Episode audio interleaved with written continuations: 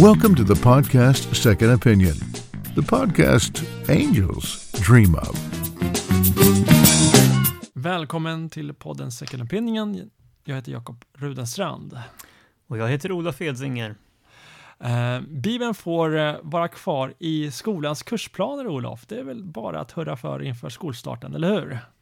Absolut, det är en glädje för många av oss och vi var ju faktiskt också med och skrev och agerade när den här frågan var uppe för diskussion. Mm. Det var ju väldigt många mm, aktörer som var ute i debatten, tidningen Dagen, Svenska Bibelsällskapet, vi, eh, men även också väldigt många sekulära eh, röster reagerade väldigt hårt på eh, att Skolverket hade föreslagit att vid sidan om att man skulle ta bort antiken och nationalsången även skulle ta bort referenser till Bibeln i, i kursplanen. Så nu har ju regeringen eh, beslutat om att eh, lagom till skolstarten så ska Bibeln vara kvar i kursplanen, vilket är ju väldigt roligt att höra.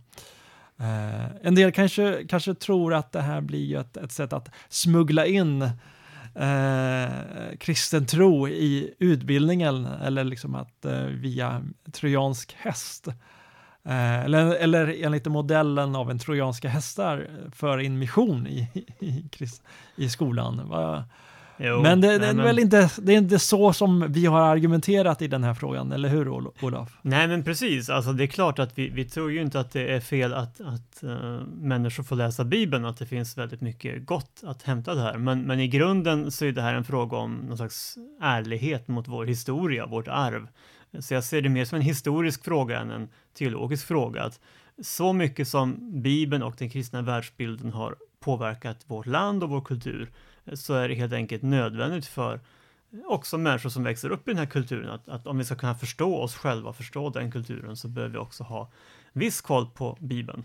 Eh, om vi sen ser den som Guds ord, som jag gör, eller om man bara ser den som en, en viktig bok, det är ju ingenting som skolan ska ta ställning till. Mm. Men att, att ändå ge den kunskapen och insikten är jätteviktigt. Nej, men precis. Det, eh, det är inte upp till, eh, upp till liksom skolan att, att ta ställning i eh, vilken livsåskådning som är sann eller inte, eller vilken religiös urkund som, är, som delger den absoluta sanningen, utan det, det är kyrkans uppgift såklart Eh, däremot så är det ju, som du säger, historierevisionism om man censurerar bort eh, mm. Bibelns betydelse för vår kultur. Det går ju inte att förstå västerlandet eller Sverige för den delen om man eh, inte har med eh, Bibeln och det, den kristna trons betydelse för kulturen, för vetenskapen, för litteraturen, för Eh, Eh, för våra rättigheter och människovärdet och så. Så att det, det är bara att välkomna och, och, vi får ju såklart hoppas att,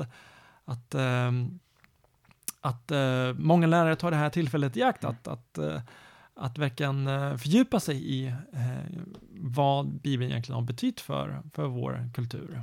Mm. Jo, nej, men det är ju ändå en, en en glädjande nyhet och en, en, form av seger också för förnuftet faktiskt. Mm. Men det kan öppna för en ny generation som får en relation också till Bibeln och det är naturligtvis någonting jag är väldigt tacksam för. Eh, och på tal om det, på tal om Bibeln och, och bibelsyn så eh, har ju det varit en, en eh, lite större debatt nu under sommaren, främst inom eh, kristenheten, hur vi relaterar till Bibeln och bibelsyn och eh, hur, eh, hur, hur det påverkar Eh, församlingar och så, och så vidare. Och det är någonting som vi kommer diskutera lite mer i det här poddavsnittet. Hur man kan tänka kring bibelsyn och Bibelns auktoritet och Bibelns eh, inspiration och, och, så vidare. Innan vi går in på vart vi i SEA står när det gäller just eh, bibelsyn kanske det är värt att, att orientera oss lite grann kring när man pratar om bibelsyn. Man brukar ju tala om Ehm, ett antal olika sätt att närma sig Bibeln eller läsa Bibeln och hur man ser på Bibeln. Ehm, den mest grundläggande kategoriseringen av bibelsynen så utgår ju man från ett antal eh, storheter. Eh, man brukar tala om ehm, eh, förnuftet, traditionen och och just Bibeln, det är ju någonting som alla kristna utgår från och använder eh, i sitt sätt att närma sig Bibeln. Men eh, det skiljer sig åt lite grann sinsemellan vilket eh, man använder som just grundläggande auktoritet. Ehm, ehm, alla, alla kristna använder ju förnuftet för att läsa och förstå Bibeln, men man brukar ju säga att, att inom den liberala bibelsynen så, så använder man det som en sorts, eh, den av samtiden präglade förnuftet som en sorts eh, korrektiv för hur man ska tolka och förstå Bibeln. Och inom eh, katolska kyrkan så använder man ju eh, traditionen, alltså den av läroämbetet sanktionerade traditionen som det sätt som man uttolkar Bibeln. Och eh, evangelikala brukar tala om, om eh, Bibeln, skriften alena. Eh, men för, för vår eh, diskussion här så kommer vi ju att utgå lite grann mest från liberal bibelsyn eh, och eh, det man brukar kalla för en fundamentalistisk bibelsyn och, och, och just en evangelikal bibelsyn. och sen finns det ju såklart andra utförligare kategoriseringar när det gäller bibelsynsalternativ.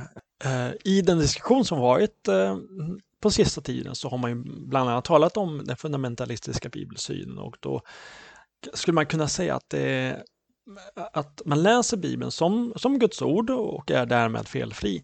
Men den tolkas frikopplad från eh, sitt historiska, kulturella och språkliga sammanhang eh, som just är eh, i kontrast till en evangelikal bibelsyn som ju eh, använder så, såklart traditionen som jag nämnde tidigare men låter inte traditionen vara eh, auktoritativ på det sättet som den är inom eh, katolska kyrkan. Ehm, eh, men, men, men i relation till, eller kontrast till eh, den fundamentalistiska bibelsynen så, så tolkas den ju utifrån också sitt, sitt historiska, kulturella och, och, språkliga sammanhang samtidigt som man säger att, den är, att Bibeln är Guds ord eh, och, och, eh, och därmed eh, felfri samtidigt som det också, den är också skriven av människor som, som använt sina olika sätt att skriva och det präglar eh, den, den mänskliga dimensionen och präglar språket och geografi och andra aspekter av, av, av texten. Vart, vart befinner vi oss i SIA på den här kartan? Eh, ja, nej, men Evangeliska alliansen, vi brukar ju egentligen säga att vi står mittemellan det som vi ser som ytterligheterna då, mer fundamentalistisk bibelsyn och eh, liberal teologisk bibelsyn. Eh, och som sagt, det här är kanske inte tid och stund att gå in på alla detaljer kring, kring vad de alternativen innebär, men eh, om vi tar fundamentalism så kan man ju lite enkelt säga att det är eh, någonting som man ofta kännetecknar som att man har en misstänksamhet mot akademiskt tänkande, mot vetenskaplig forskning.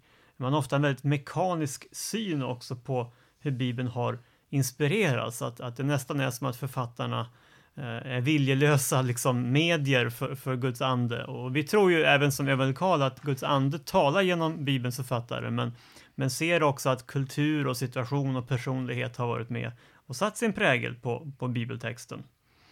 Uh, och inte minst kanske just det här med kontext, att, att olika delar av Bibeln, olika typer av litteratur behöver läsas med lite olika glasögon.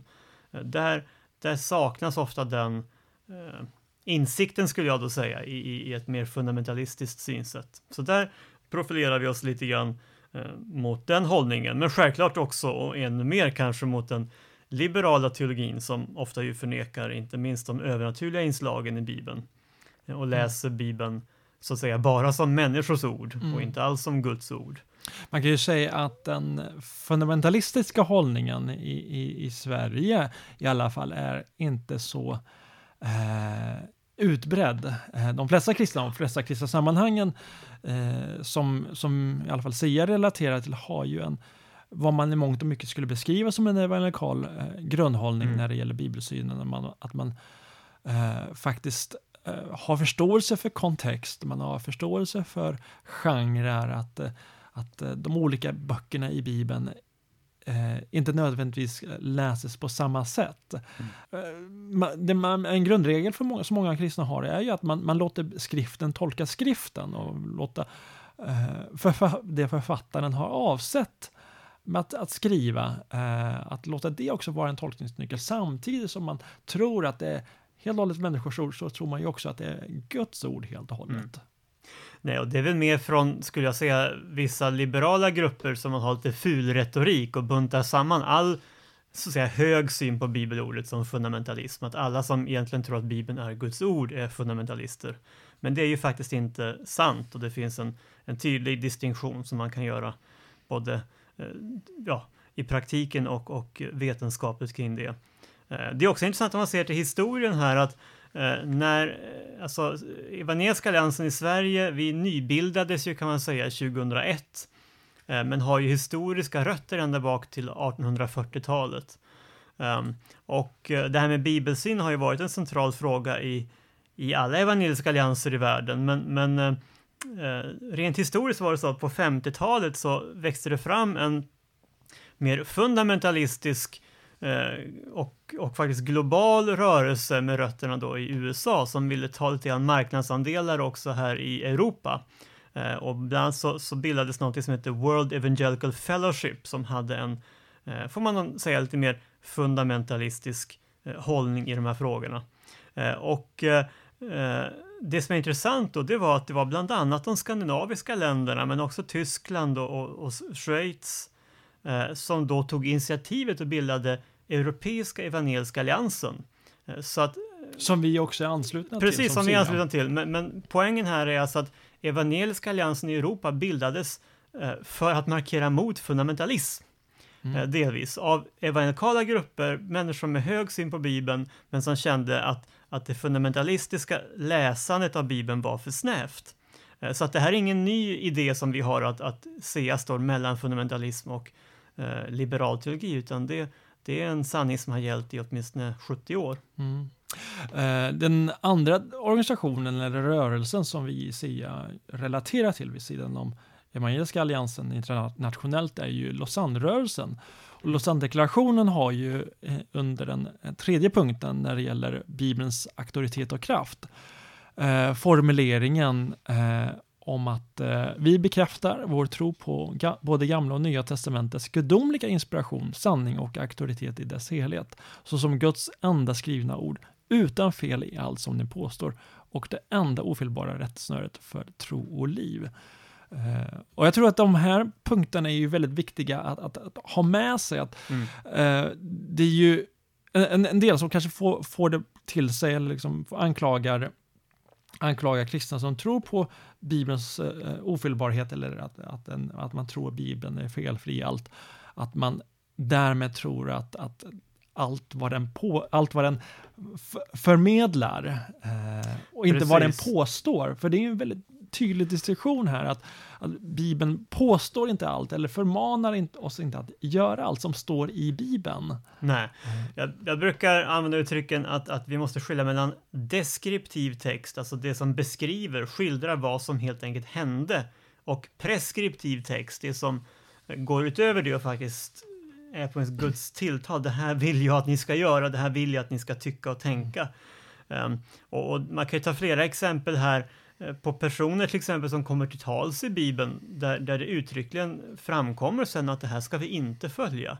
Eh, vi har flera av Israels kungar där det står att eh, de gjorde vad ont var i Herrens ögon. Mm. Eh, och det betyder ju då, då kan man ju läsa flera kapitel om vad de här kungarna gjorde och det står ju inte varje gång att det här var fel, men, men liksom summan av deras liv var att nej, men de gick vilse. Eh, och då förväntas läsaren på något vis tänka själv och se att okej, okay, då kanske jag inte ska lyssna fullt ut till, till de här individerna.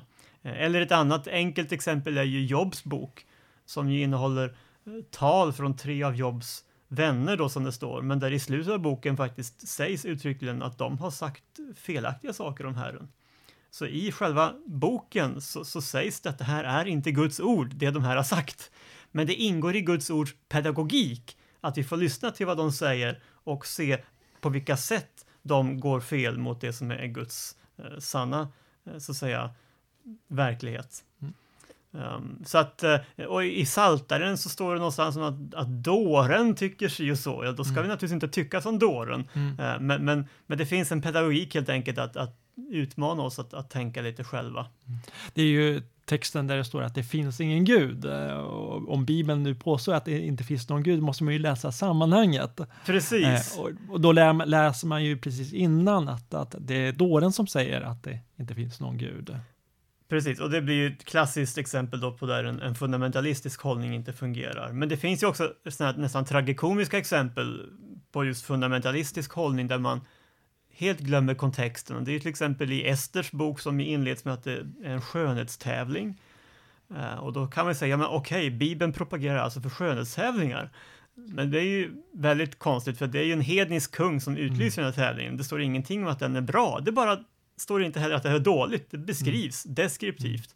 Och här måste man ju ha lite urskiljning. Mm. mm. Uh, en annan bok som vi ganska ofta tror jag studsar vid som, mm. som kan vara bra att ta som exempel är ju Domarboken. Eh, och jag har ju läst flera kristendomskritiska och bibelkritiska böcker som gör ganska stort nummer av just de här hemska berättelserna i domarboken. Um, och de är verkligen hemska. Det skildras både en gruppvåldtäkt och det, det, det skildras uh, människooffer och ja, djupt tragiska mm. saker. Um, hur kan detta få stå i Guds ord? Kan ja, just, det, just det, och då får man ju intrycket av att nej, men är det här någonting som Gud bejakar? Är det ja, för det står att, ju inte i direkt i texten att det här är säga, fel nödvändigtvis. Men mm. det som står i både början och slutet av boken, det är att det här var en tid där inte människor, det fanns ingen kung i Israel mm. Mm. som höll samman folket och var och en gjorde vad han själv ville. Alltså man levde i strid med Guds lag.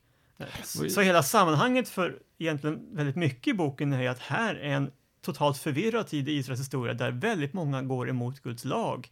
Eh, och att då läsa de enskilda händelserna som exempel på vad som är Guds vilja, det är ju totalt i strid med vad boken själv säger. Det är ju tvärtom. Det här är ett exempel på så här illa går det när man inte gör Guds mm. vilja. Och det är precis ett, ett, ett exempel på liksom snarare ett anarkistiskt och kaosartat samhälle Eh, jag vet att det är andra som brukar eh, påpeka, alltså kristendomskritiker som påpekar att ja, men Bibeln bejakar månggifte till exempel när man pekar på mm. patriarkerna och så. Men eh, det är ju snarare så att man bara behöver läsa texterna om, om Jakob och om Abraham eh, för att kunna utläsa, att det här ledde ju månggifte snarare till eh, förvirring och eh, konflikter i familjen eh, ja. snarare än, eh, än en, någonting gott.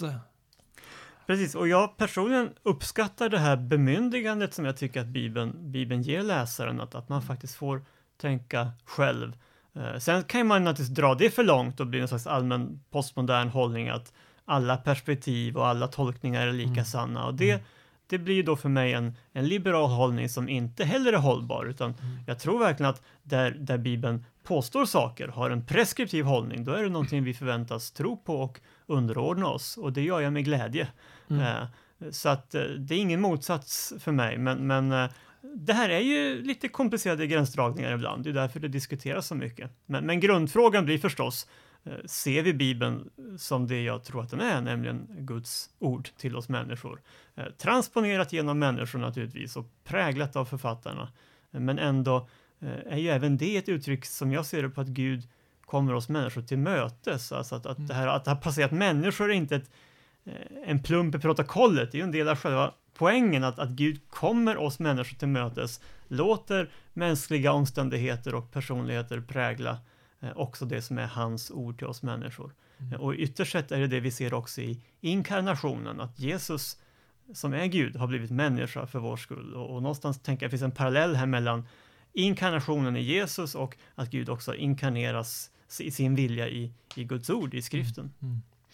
Mm. Eh, alltså, tron på, jag tror också det är viktigt att, att, att komma ihåg att eh, tron på en, en bibel som är felfri i allt vad den påstår inte bara gå tillbaka till Lausanne-deklarationen och inte bara tillbaka till eh, till grundandet av European Evangelical Alliance och inte ens tillbaka till bara tillbaka till 1700-talets väckelse utan det är inte någonting som går tillbaka till eh, eh, lärjungarna och kyrkofäderna. Till exempel en sån person som kyrkofadern Augustinus eh, skrev i ett brev till, eh, eh till en annan, en annan kyrkofader som heter mm. Hieronymus Mm Eh, där han påpekar att jag har lärt mig att ge denna respekt och heder enbart åt de kanoniska böckerna i skriften eftersom om dessa tror jag med säkerhet att författarna var fullständigt utan fel.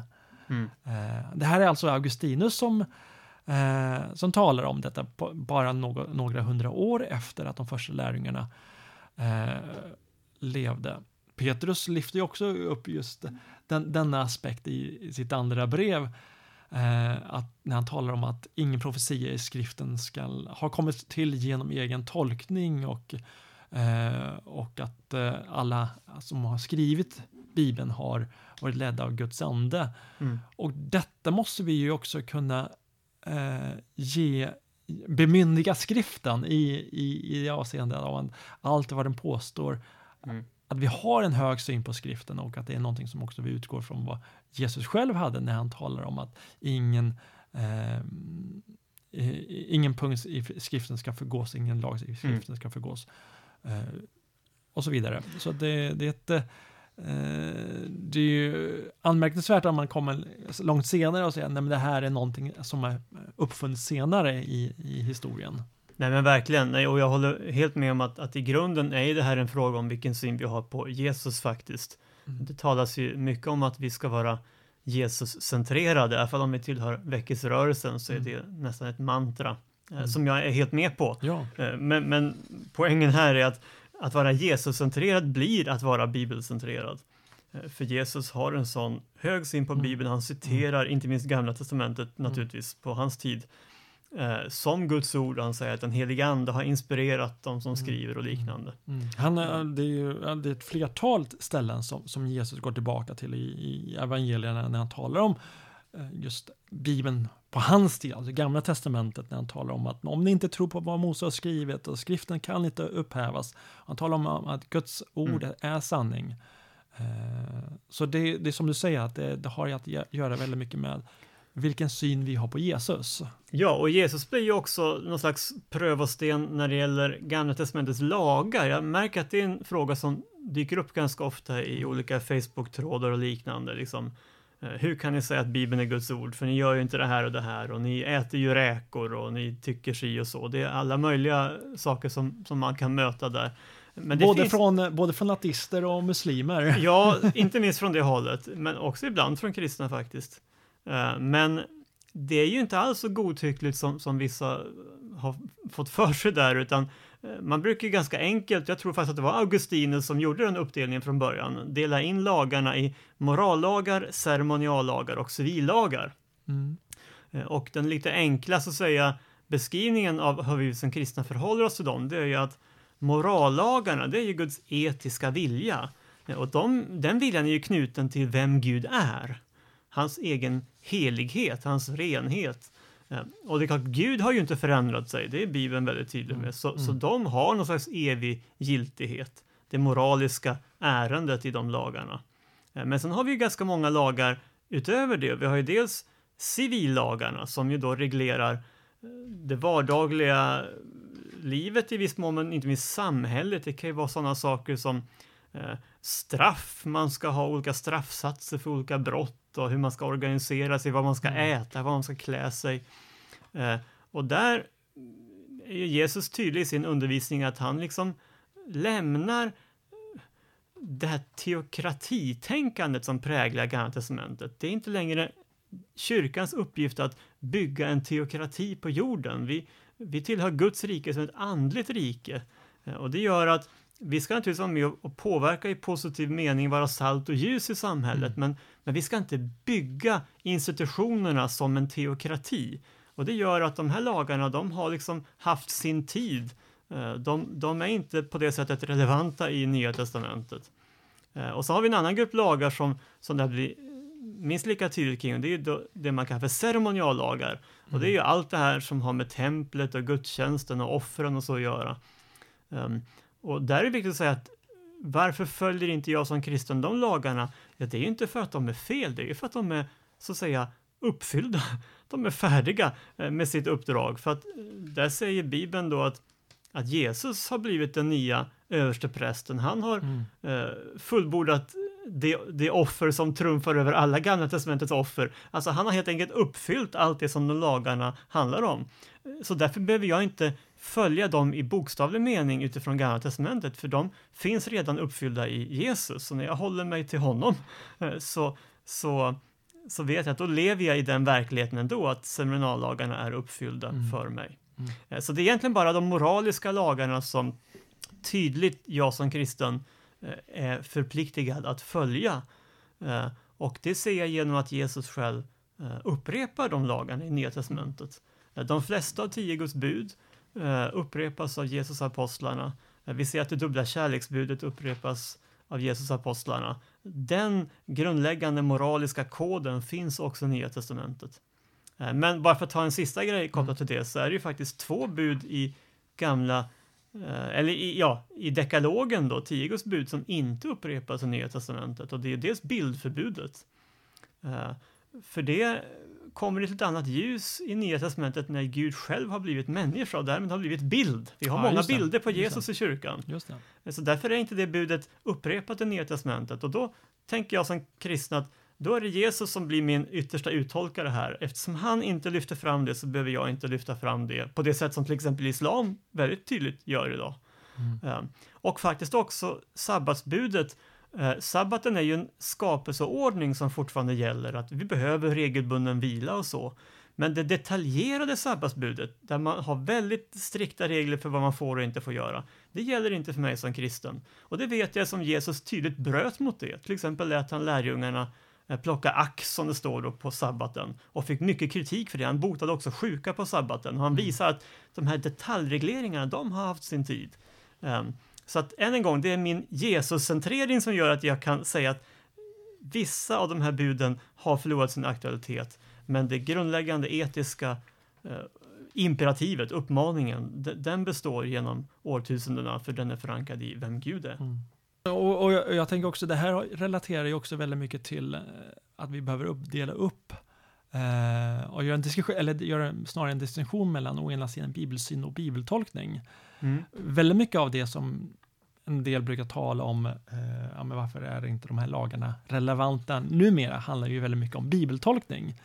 Absolut. och eh, eh, frågan om bibelsyn är ju snarare så att eh, när, man, för när man talar om att Bibeln är, tror att Bibeln är felfri, allt vad den påstår, så, så menar man ju inte den eh, med nödvändigheten bok eller den fysiska bok som du håller i handen just nu när du, eller när du sitter på en gudstjänst och, och ska studera. Det upp, eh, boken upprö, upphör ju inte att vara Guds ord om det, någonting skulle vara felstavat eller att det skulle vara någon, något eh, tryckfelsnisse som skulle vara ute. Utan det är ju snarare att när man pratar om Bibelns eh, ofelbarhet till exempel, eh, så är det ju snarare att det är ursprungsdokumenten som man eh, då hänvisar till eh, och att när alla fakta är kända och att man uttolkar den korrekt så som mm. författarna avsåg det från början eh, så är den utan fel i allt vad den hävdar. Ja, men precis. Men, men, men, också med hänsyn till en, till en precision som författarna avser. bara för att man, om det liksom handlar om 5000 människor som eh, som Jesus mättade den där dagen då han eh, multiplicerade fem bröd och två fiskar. Eller om det handlar om 4569 människor. Eh, Bibeln har inte, är inte ute efter den sortens precision, utan det handlar Nej, och särskilt som du säger, den, den texten har inte det Nej. syftet. Nej, och jag tänker också exemplet jag gav med, med lagen, inget av det jag säger betyder ju att till exempel tredje Mosebok skulle vara mindre Guds ord. Mm. Tvärtom, det är precis lika mycket Guds ord idag. Däremot är jag inte skyldig att följa alla delar i, i alla de buden eftersom jag tillhör ett annat förbund som jag också mm, jag kan läsa om i Nya Testamentet, så det, det finns inom Bibelns pärmar. Eh, men, men att, att vissa bud har så att säga haft sin tid eller till och med är uppfyllda betyder ju inte alls att de inte längre är Guds ord. Eh, men där vet jag Luther har en text där han beskriver det där att eh, det, det, är lika mycket Guds ord, men det kanske är Guds ord till någon annan. I det här fallet är det ju specifikt riktat till det judiska folket inom mm. förbundet som ingicks på Sinai berg.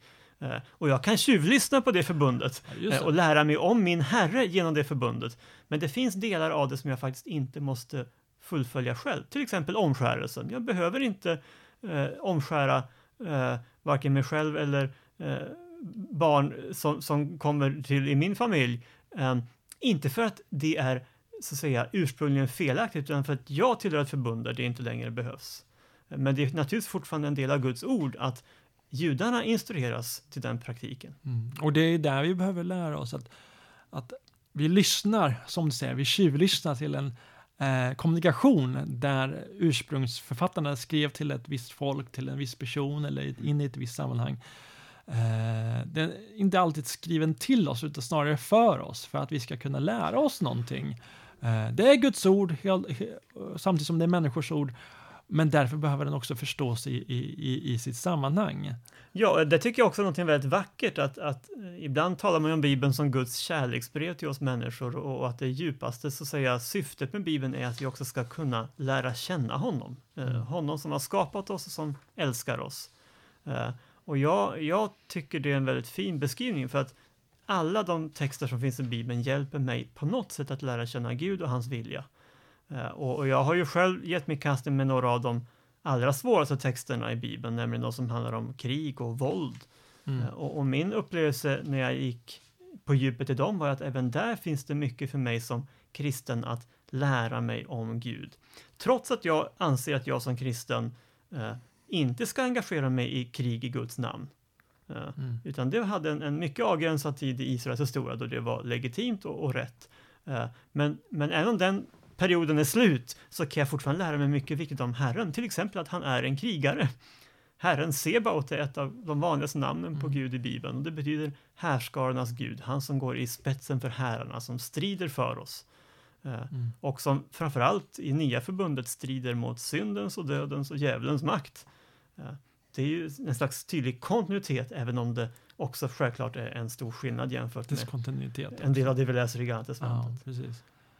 Ja, det finns mycket att, att ta in i när det gäller de här bitarna och som vi sa, vi skulle bara göra en liten överblick när det gäller frågan om, om bibelsyn och, och Bibelns eh, ofelbarhet och, och tron på att, att Bibeln är felfri i allt vad den påstår. Och det här är ju någonting som vi alla behöver pröva oss i, eh, att vi eh, stångas med skriften och mm. eh, eh, låta oss prövas av den och låta oss speglas i den och eh, hjälp, hjälpa varandra till att förstå den ännu mera. Men jag tror att det är också viktigast i det här, i det, i det här poddsamtalet som vi har nu, att även eh, förklara vart, vart vi själva finns i den här, eh, i den här kartan, där man på en del håll tänker att ja, men, eh, fundamentalism är synonymt med, eller är tron på en felfri bibel synonymt med fundamentalism och, och så vidare. Men att det egentligen inte är det, utan det är någonting som egentligen har varit en, en eh, normen i den kristna kyrkan eh, i, i, tusentals år. Att det är först på senare tid som, som denna tro har börjat luckras upp. Nej, och också du som faktiskt känner att du är, är tveksam till Bibelns sanning. Jag vill bara ge dig en, en uppmuntran där att eh, för det första se på Jesus. Eh, han som gick i döden för oss är värd att lita på också på andra områden. Eh, och han är väldigt tydlig med att han har ett stort förtroende för Guds ord. Så vill vi ha Jesus i centrum av våra liv, då, då kan vi också få en frimodighet att ha Bibeln i centrum av våra liv. Eh, och inte minst det här att också våga gå i närkamp med, med bibeltexterna. Ofta tror jag att vi, vi tappar vår frimodighet för att vi inte kanske får möjlighet att processa de frågor vi har och att liksom mm. vrida och vända på saker och faktiskt också ifrågasätta. För mig är det just den möjligheten som har stärkt mig i min tro på Bibeln. Mm. Och det är absolut en, en, kultur vi vill stå för också här på Evangeliska Alliansen, att, att Bibeln håller och, och bråka med och mm. bryta och bända med. Men vår erfarenhet är faktiskt att när vi gör det med öppna ögon och med tillgång till, till, till goda teologiska vägledare så, så, så håller det helt mm. enkelt. Eh, och det, det har gett mig en, en stor tro på Bibeln som Guds ord. Utan fel i allt vad den påstår som Lausanne-deklarationen säger. The Swedish Evangelical Alliance Christian faith out in the open